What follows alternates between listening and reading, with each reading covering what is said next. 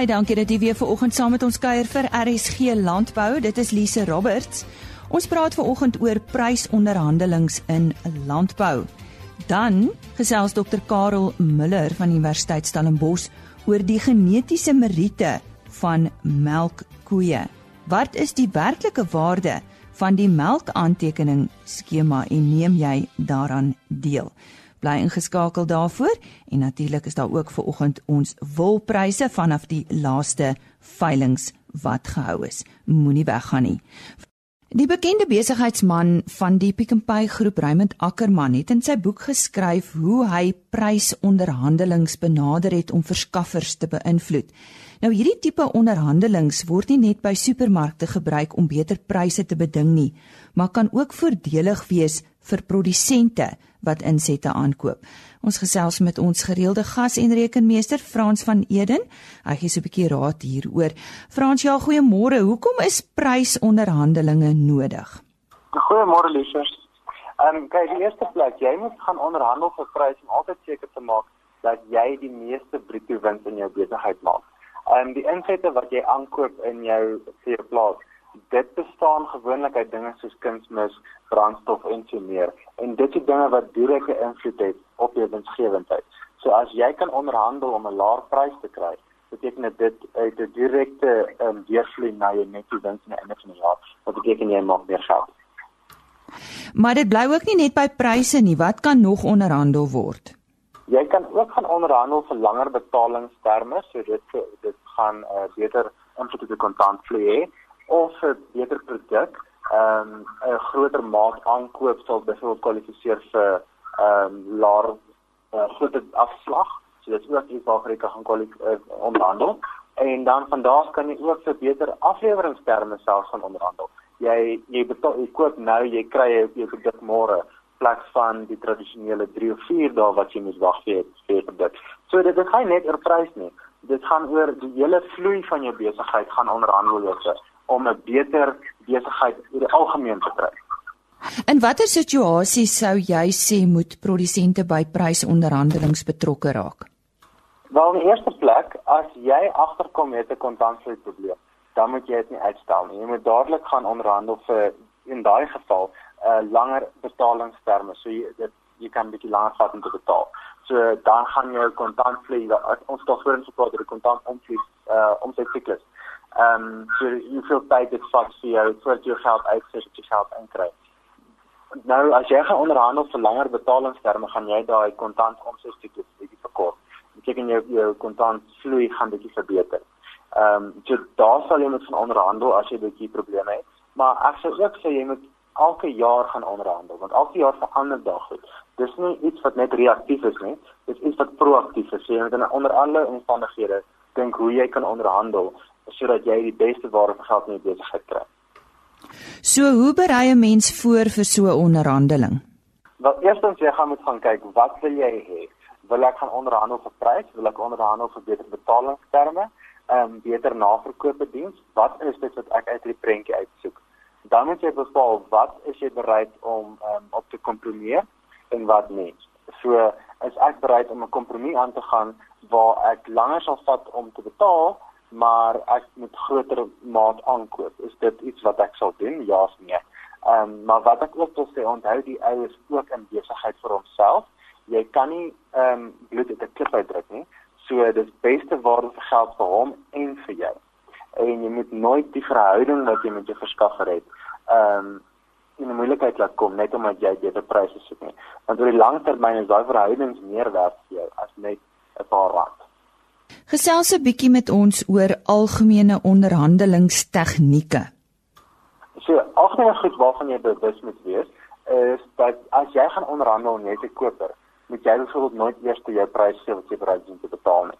Wat jy dan doen is jy stel 'n prys anker en dis jy onderhandel dan van daai prysanker af verder. Nou as die die verskaffer sy prysanker stel, dan druk net gewoonlik die prys af onder die prysanker.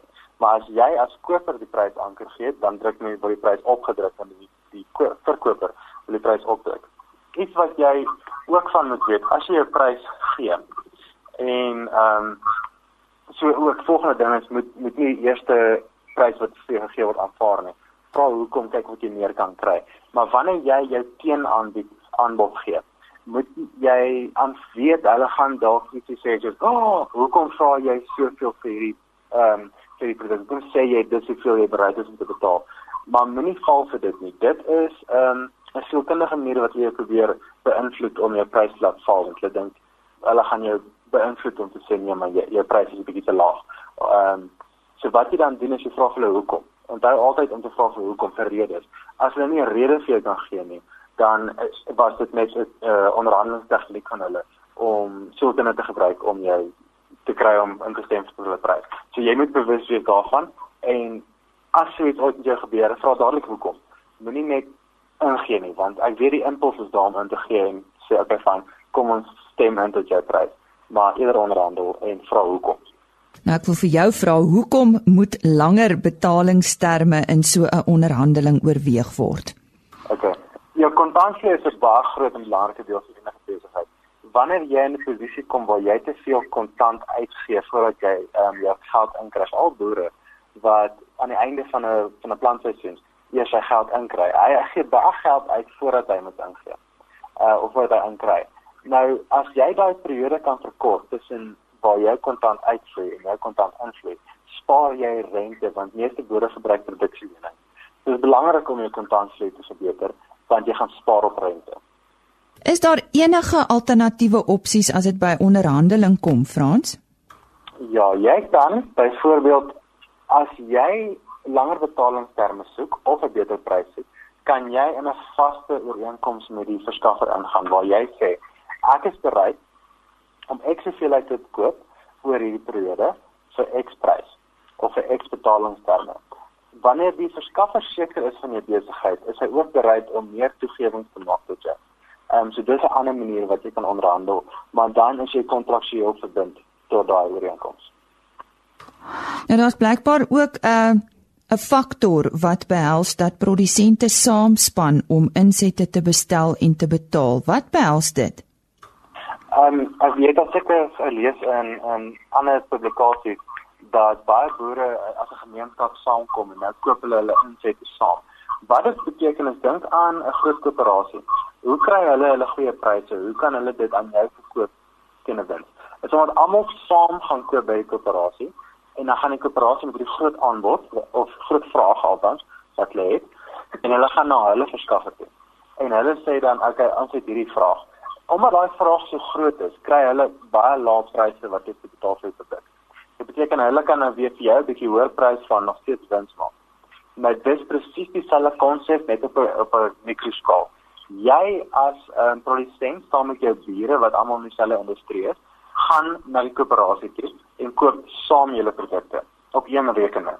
Dit beteken die die vraag is groter. Dit beteken jy kan laer pryse onderhandel om jy koop groot maak maar julle moet daar ehm um, verseker dat julle 'n ooreenkoms in plek het. Want wat is een van die lede tot drie ooreenkoms nie betaal nie? Wat gebeur dan? Want eers skielik daai daai bedrag gaan nog steeds betaal word. Wie gaan dit betaal? So moenie net dit doen sonder dat jy eers regshulp ingekry het nie. Dit is 'n goeie opsie om te oorweeg. Daar is baie voordele vir as dit reg gedoen word, maar maak seker jy kry regshulp wanneer jy dit oorweeg. Sê baie dankie aan Frans van Eden, hy's 'n rekenmeester van Pretoria en hy het ons goeie raad gegee vandag. Ons volgende onderwerp van bespreking is genetiese meriete van melkkoeë. Nou twyfel jy as produsent oor die genetiese evaluasie van jou diere? Tydens 'n paneelbespreking by 'n onlangse teelingskongres in Australië is hierdie vraag juis gevra aan Dr Karel Miller. Hy is navorsingsgenoot in veekundige wetenskappe aan Universiteit van Stellenbosch. Het hierdie kongres bygewoon en werp ook meer lig op die onderwerp. Nou Karel, wat is die huidige situasie in Suid-Afrika wat deelname aan die amptelike melkaantekeningsskema betref? Ja, ek is bevrees die die melkaantekeningsskema in Suid-Afrika is 'n bietjie vandag 'n probleem. Ons het altyd in die verlede het ons gereken dat daar so 25% van koeie in Suid-Afrika aan melkintekenings melkintekening deelneem. Ek dink vandag is die syfer heel wat laag. Ek weet nie waar dit is, baie lae syfers gesien. En daar is vandag ook twee diensverskaffers, die LNR in Istanbul wat miskien ook uh, bydra tot hierdie probleem. Ek wil net miskien weer teruggaan na die oorspronklike vraag wat by die kongres geopper is het gevra of dit of of daar meer moeite dis nou van die wetenskaplike se kant af meer moeite gedoen word om die waarde van die genetiese analise evaluasie van produsente bekend te stel of daar meer fondse bestee word om beter voorbeelde te kry wat die waarde van genetiese evaluasie van koeie bevestig. En uh, ek het ook in my verlede op opgetel dat in Suid-Afrika is ook baie melkbore wat onseker is oor die waarde van genetiese analise. Dit word selfs op sommige vlakke genoem dat die genetiese evaluasie van koeie nie nodig is. Dit is nie so lank as dit melkbore top genetika gebruik. Die die en ek en die top genetika sit ek in aanhalingstekens in die die probleem is net die, die definisie daarvan uh verskil tussen verskillende persone en instansies. Wat is die rede vir hierdie afname? Ek dink maar dit is as gevolg van die ekonomie van die melkbedryf. Baie kuddes is uitverkoop. Uh die droogtes in verskillende dele van die land het ook veroorsaak dat kuddes uitverkoop is. Hier in die Weskaap is daar in sommige streke geen melkkuddes meer nie. In die verlede sou daar byvoorbeeld 25 kuddes gewees het. Daar sou uh, studiegroepe gewees het. Vandag is daar enkele kuddes oor. En, en dit is 'n tendens wat lyk my landwyd gebeur het. Die kuddes het ook as gevolg hiervan het die kuddes ook groter geword. Ons ons produseer eintlik vandag meer melk met minder koeie. Uh wat miskien een van die probleme is dat dat in Suid-Afrika word eienaar bemonstering gedoen. Aan die ander woorde die eienaar neem self die monster waar in ander lande dit deur agente gedoen word. En ek het te vermoed dat sommige produsente raak moedeloos baie keer met met die hele proses om dit te neem. En uh hulle het ook al vir my genoem dat vir al die groter kuddes dat foute intree waar koeie in spanne gemelk word en koeinommers nie deur die rekenaar reg gelees word nie. Dit het dan ge tot gevolg dat melkproduksie rekords en melkmonsters nie met die koeie ooreenstem nie. En dit het die ouens wat ek uh, ouens my gesê het, hulle totaal nou moedeloos geraak het, hulle maar sommer net die handdoek ingegooi het.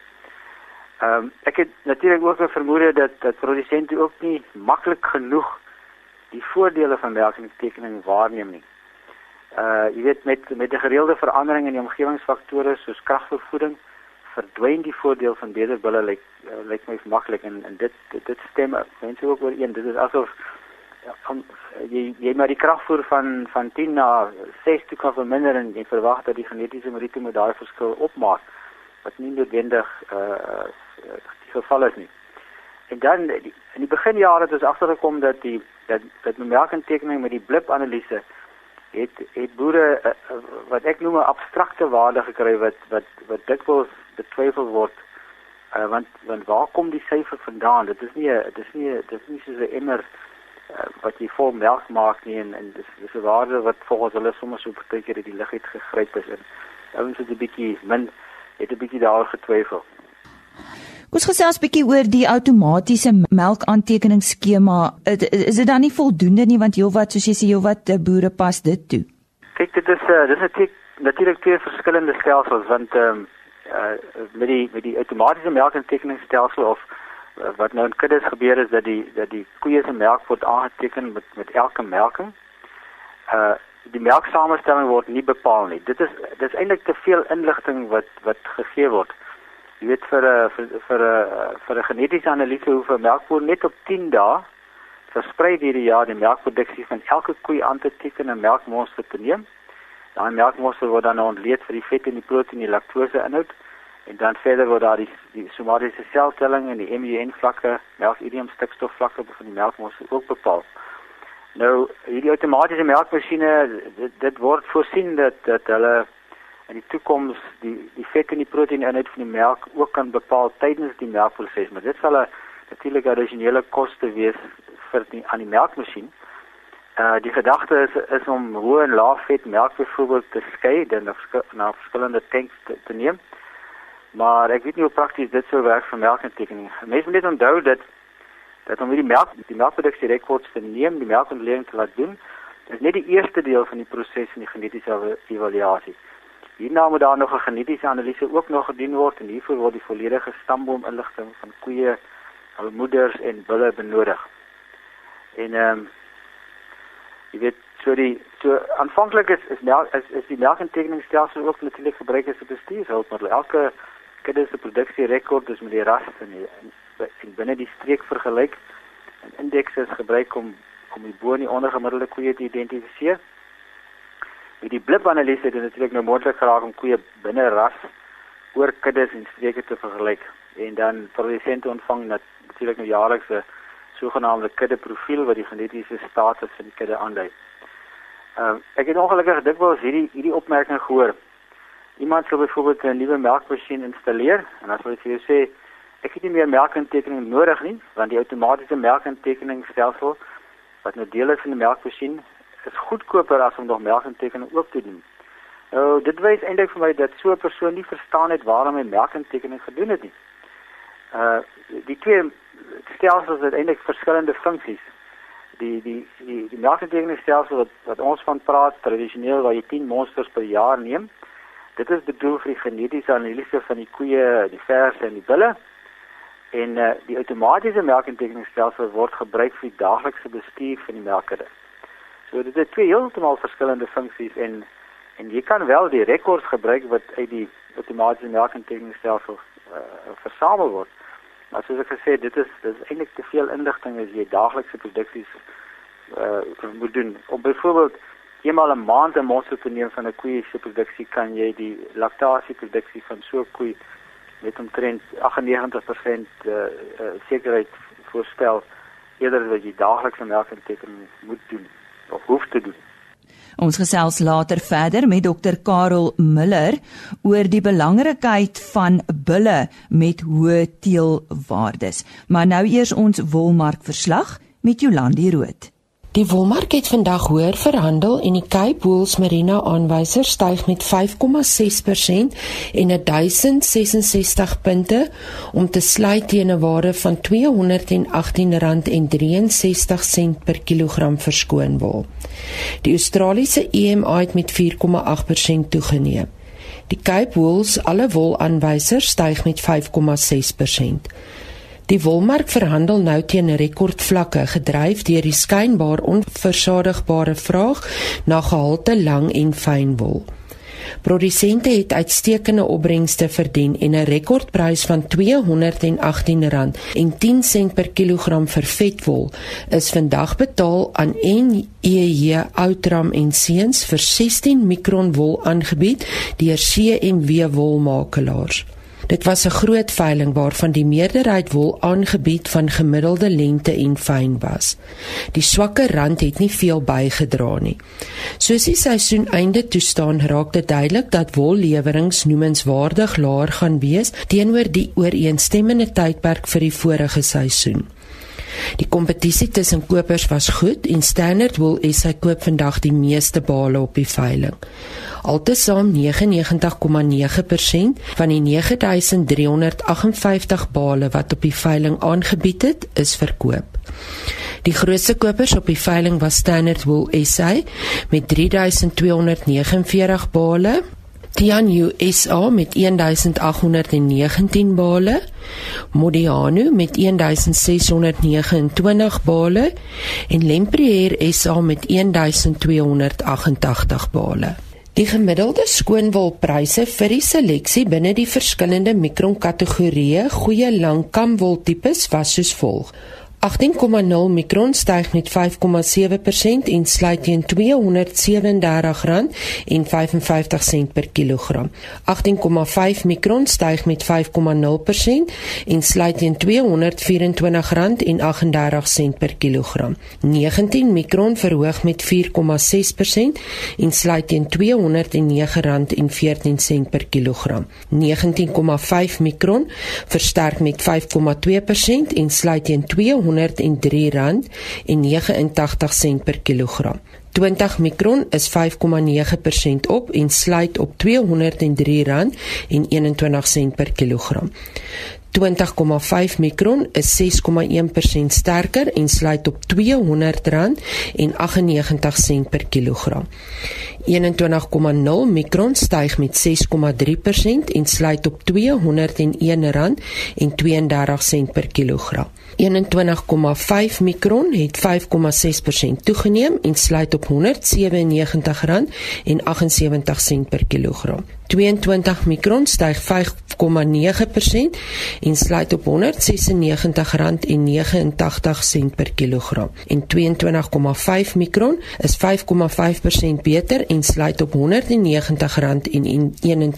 per kilogram. Die volgende veiling vind plaas op 30 Mei wanneer plus minus 5627 bale aangebied sal word. Die stem daarvan Jolandi Rood en ons sit nou ons gesprek voort met dokter Karel Miller. Jy het net nou so vinnig oor teelwaardes uh, gepraat. Waarom is bulle met hoë teelwaardes so belangrik? OK, vir my is verwys die hoë genetiese meriete of hoë teelwaarde van van van 'n kudde natuurlik na die melkproduksie vermoë van die koeie. Ehm um, die en dan die genetiese meriete van koeie word bepaal deur die bulle wat gebruik word en die genetiese meriete van koeie bepaal weer hul melkproduksie vermoë. Uh en nou dit is ook al van my genoem dat uh, ons ons sien nie die hoë melkproduksie van die sogenaamde hoë teelwaarde bulle nie. Is dit dan nou nodig om jaarliks die beste bulle te gebruik? Nou ja, ek moet toegee, dit is nogal moeilik om om dit te sien, om die voordeel daarvan te sien en ek het al gesien in die Amerikaanse literatuur het uh, professor Bennett Castle dieselfde probleem gehad om aan iemand te verduidelik hoe sien jy die voordeel van van hoë genetiese meriete? Uh wat boere net moet besef is dat die huidige melkproduksie, alhoewel die melkproduksie wat die koei gister en vandag gegee het, is afhanklik van 'n verskeidenheid van faktore. Ons ons praat graag van die die die vergelyking P is gelyk aan G plus E. Nou P staan vir die fenotipe wat nou die hoe die koei lyk, hoe wat haar produksie vermoë is en dan die G gedeelte gaan oor die genetiese vermoë van die dier en dan en die E gedeelte gaan oor die environment of die omgewing. En dit is nie die dit is nie die die temperatuur nie, dit is nie die son nie, dit is faktore soos die die kragvoer wat die koei vanoggend gekry het, die rifoer wat sy op is. Dit is die melkstal rotine, dit is die dit is dan wel weliswaar die die hitte en die en en en somatiese seltelling, die stadium van laktasie en en en laktasie nou al daai eienskappe het het het, het, het dan 'n effek op die produksie van die koei vandag. En byvoorbeeld die genetiese meriete van van 'n kudde word bepaal deur die bulle nie wat die boere verlede week gebruik het nie. Dis is wat hy 3 jaar gelede gebruik het, 3 tot 8 jaar gelede gebruik het. So as jy as jy 3 jaar gelede of tussen 5 jaar gelede 'n groep swak bulle gebruik het, gaan jou melkproduksie vandag laag wees. Maak nie saak wat jou uh, wat jou kragvoeding is nie. En dit is ongelukkig het ons sulke gevalle al reeds gesien. Nou om terug te keer na die voordeel Uh om die voordeel van 'n hoog versus 'n laag teelwaarde uh, koeie te sien, moet daar 'n kontrolegroep wees. En dit kan ongelukkig mos nou net in 'n navorsingsopset gedoen word. Nou gelukkig het hulle sulke navorsing al reeds gedoen. Daar's die sogenaamde Langhill studie wat in Skotland gedoen is. Daar het hulle twee groepe bulle jaarliks geselekteer op grond van hulle genetiese meriete vir melkproduksie, hoog versus laag.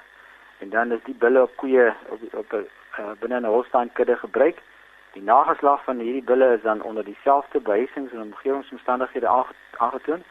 En dan het hulle gevind dat die nageslag van die hoë genetiese meriete bulle 12% meer melk geproduseer het. En omdat dit die voedername van die koeie gemeet is, kon hulle ook vasstel dat die doeltreffendheid van produksie 7% hoër was. Nou wat interessant was in die studie is hulle het ook twee kragvoerpyle gebruik. Met ander woorde die hoë genetiese en, en medium genetiese meriete koeie nou 'n hoë en 'n lae kragvoerpyl ontvang. En dit is dan nou gewys dat die dat die hoë genetiese meriete koeie met lae kragvoerpyle meer doeltreffend was as die lae genetiese meriete koeie wat meer kragvoer ontvang het. Nou dit wys eintlik dat kragvoer nie opgemaak het vir die lae genetiese meriete van van die koeie nie. Ehm um, en nou vandag uh, versamel die seemaatskappye baie meer inligting van koeie en sluit die genetiese evaluasie van bulle ook eienskappe soos vrugbaarheid, produktiewe leeftyd, kalwingsgemak, verskeidenheid vir bouvorm eienskappe in. So dit is dan nou vandag moontlik om bulle uit te soek waarvan die melkproduksie van die vroulike nageslag verbeter sonder dat byvoorbeeld vrugbaarheid benadeel sou word. Dieselfde geld vir liggaamsgrootte wat ook baie boere bekommer as jy byvoorbeeld net vir melkproduksie sou selekteer.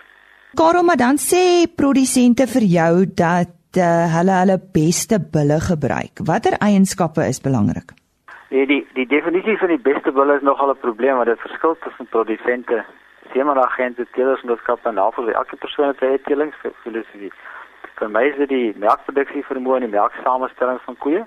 Melk is tog die hoofproduk wat verkoop word en behoort nie 'n sekondêre seleksiekriteria te wees nie. Uh wat ek doen is ek selekteer 'n groep bulle en pas dan die korrektiewe paring toe. Bulle kan ook gewe kanse aan koeie toegeken word en groter kuddes sou dit beter wees om 'n paringsprogram te gebruik. Dit sou ook dalk beter wees om 'n indeks bestaan uit verskillende eienskappe te gebruik om bulle te selekteer. Goed, net 'n slot opmerking van jou kant af. Ja, ek wil net uh, ek wil net eintlik vir die vir boere uh, gerusstel dat die die teelingswetenskaplikes het hierdie statistiese metodes ontwikkel waar die teelwaarde van bulle te bepaal uh reeds mooi uitge uh, uitge uitgefigure wat ek amper sê. En hulle hoef nie onseker te wees oor die korrektheid daarvan nie. Dit is in elk geval stelsels wat internasionaal gebruik word en ons gebruik dieselfde stelsels. Uh ek wil ook voorstel dat dat boere boere die gemiddelde teelwaarde beraam van die groep bulle wat hulle uitsoek want dit gee 'n aanleiding vir die nageslag wat in die toekoms verwag kan word. En uh, hulle kan ook gerus 'n paringsprogram oorweeg. Daar's vandag 'n paar beskikbaar in Suid-Afrika. Uh hou net 'n gedagte dat bulseleksie steeds die belangrikste gedeelte van die paringsprogram. En dan wil ek baie sterk aanbeveel dat hulle of aanmoedig dat hulle melkintekening wel doen of om iemand te kry om melkmonsters te neem. 'n Mens moet net onthou dat om 'n melkery te bedryf is nogal 'n groot arbeidsinset en emosionele energie gaan daaraan. Nou om koeie te melk wat wat wat hoë genetiese meriete het, dis dieselfde werk as om lae genetiese meriete koeie te melk. Jy, die verskil is net jy kry net meer melk en die en die die doeltreffende van daai diere is net beter. Nou ja, ek is seker dit laat 'n paar van ons melkprodusente dink. Ons sê baie dankie aan Dr Karel Miller. Hy is navorsingsgenoot in veekundige wetenskappe by Universiteit van Stellenbosch. Ons sluit vandag se program af met 'n bydrae vanaf Nampo 2018. Jolandi Rood het daar met Stein Viljoen gesels. Goeiemôre, ons is vanoggend hier op Nampo en ek gaan nou met Stein praat. Hulle het vanoggend 'n aankondiging gedoen. Hy is van Land Story, so hy gaan vir die luisteraars net bietjie meer inligting gee. Môre Stein. Haai, goeiemôre. Ehm um, ja, so ek dink reg nou is elke Suid-Afrikaner bewus van ons grondkwessie. Um, ek dink ons almal besef dat daar is sekere grondkwessies wat moet opgelos word en een van die groot groot probleme met Suid-Afrikaanse grond is is dat daar's landaudits wat gedoen word en een ou sê daai ou se landaudit is verkeerd, ander ou sê die ander een se audit is verkeerd. En intussen is die mense wat wat frustreerd is en wat uh, Land Story doen is ons ons het 'n platform kry wat 'n onafhanklike uh, space gekry het waar elke persoon, elke persoon in Suid-Afrika sy land kan identifiseer. So hy zoom in op 'n map, hy selekteer sy land en hy kan uh, anoniem kan hy sê hierdie is private grond of dis regeringsgrond uh, of dit is uh, miskien swart grond, wit grond, wat ook al die geval mag wees en op daai manier kan ons vinnig vinnig kan ons actually saam as 'n land kan ons sê um, presies wat is die feite, uh, hoeveel land uh, behoort aan wie en en dan so dis die een gedeelte. Die ander gedeelte uh, is en om actually 'n storie te kan vertel van elkeen van daai uh, van van jou land. En ek dink as ons kyk na die feite, die feite is belangrik, maar die oomblik as jy die storie wegvat van die feit, van die van die feite en die statistieke dat dehumanize ons uh, mense. So so wat Land Story doen is is dit create 'n space waar ons actually publieke landaudit kan doen en op land by land basis actually kan sien presies wat aangaan. Dit was aan die stem van Stein Viljoen van Land Story en Jolandi Rood het by Nampo met hom gesels. Op môreoggend se RC landbouprogram praat ons met Standard Bank oor beleggings in die landbousektor en ons hoor ook van eh, Janie de Villiers 'n onderhoud wat opgeneem is by die onlangse Nampo Oesdag daar op Botawil. Ons kyk dan môre net so skuins na 05:30. Totsiens. RC landbou is 'n produksie van Plaas Media. Produksieregisseur Henny Maas. Aanbieding Lisa Roberts en inhoudskoördineerder Jolandi Root.